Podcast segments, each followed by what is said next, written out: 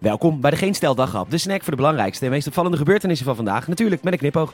Met vandaag minder treinen door Formule 1. Welk vaccinatiebewijs is waar geldig? En hoe groen is de Taliban eigenlijk? Mijn naam is Peter Bouwman en dit is het nieuws van zondag 22 augustus.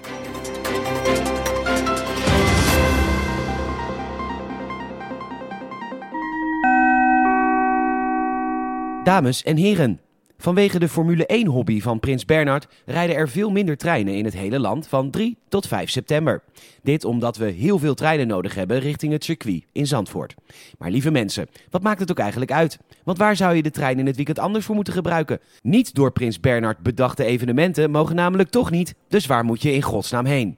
Herhaling, dames en heren, vanwege de Formule 1-hobby van de New York Times vraagt zich af hoe je met een vaccinatie op zak naar het buitenland kunt reizen. Er zijn immers zoveel verschillende digitale en analoge vaccinatiebewijzen dat je door de bomen soms het bos niet meer ziet.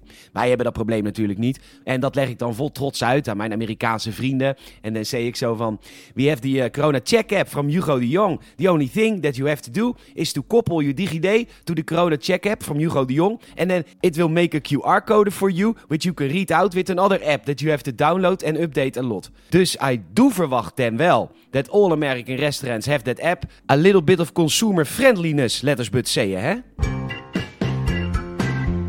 Prachtig verhaal werkelijk vandaag in de Brussels Times over wat de gevolgen zijn van de overname van Afghanistan door de Taliban voor Europa's groene doelen. De krant vergeet natuurlijk dat we tegenwoordig praten over een hele nieuwe, vredelievende Taliban. De geruchten gaan zelfs dat de Taliban Frans, ik ben rustig, Timmermans gaan aanstellen voor de Afghaanse energietransitie. Natuurlijk zonne-energie, maar ook nieuwe biomassa-centrales. Investeer nu in de Afghaanse biomassa-centrales. Ben je het ook zo beu dat bossen en Amazones worden gekapt om uw biomassa-centrales te stoken? Wij hebben gekozen voor een nieuwe 100% hernieuwbare manier. De mens! Voor deze biomassa-centrale zullen verschillende tolken, beveiligers en koks worden gebruikt die voor het Westen hebben gewerkt. Afghaanse biomassa-centrales. 100% veilig, 100% hernieuwbaar, 100% schoon.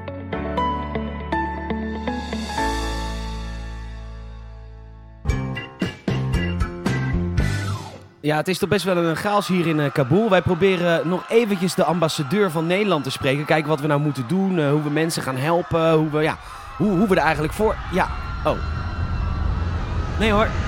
Da ja, daar, is, ja, daar vliegt hij. Ja, nee hoor. Ga maar op. We hebben uh, niemand meer hier. Nee. Um, nou ja, jammer.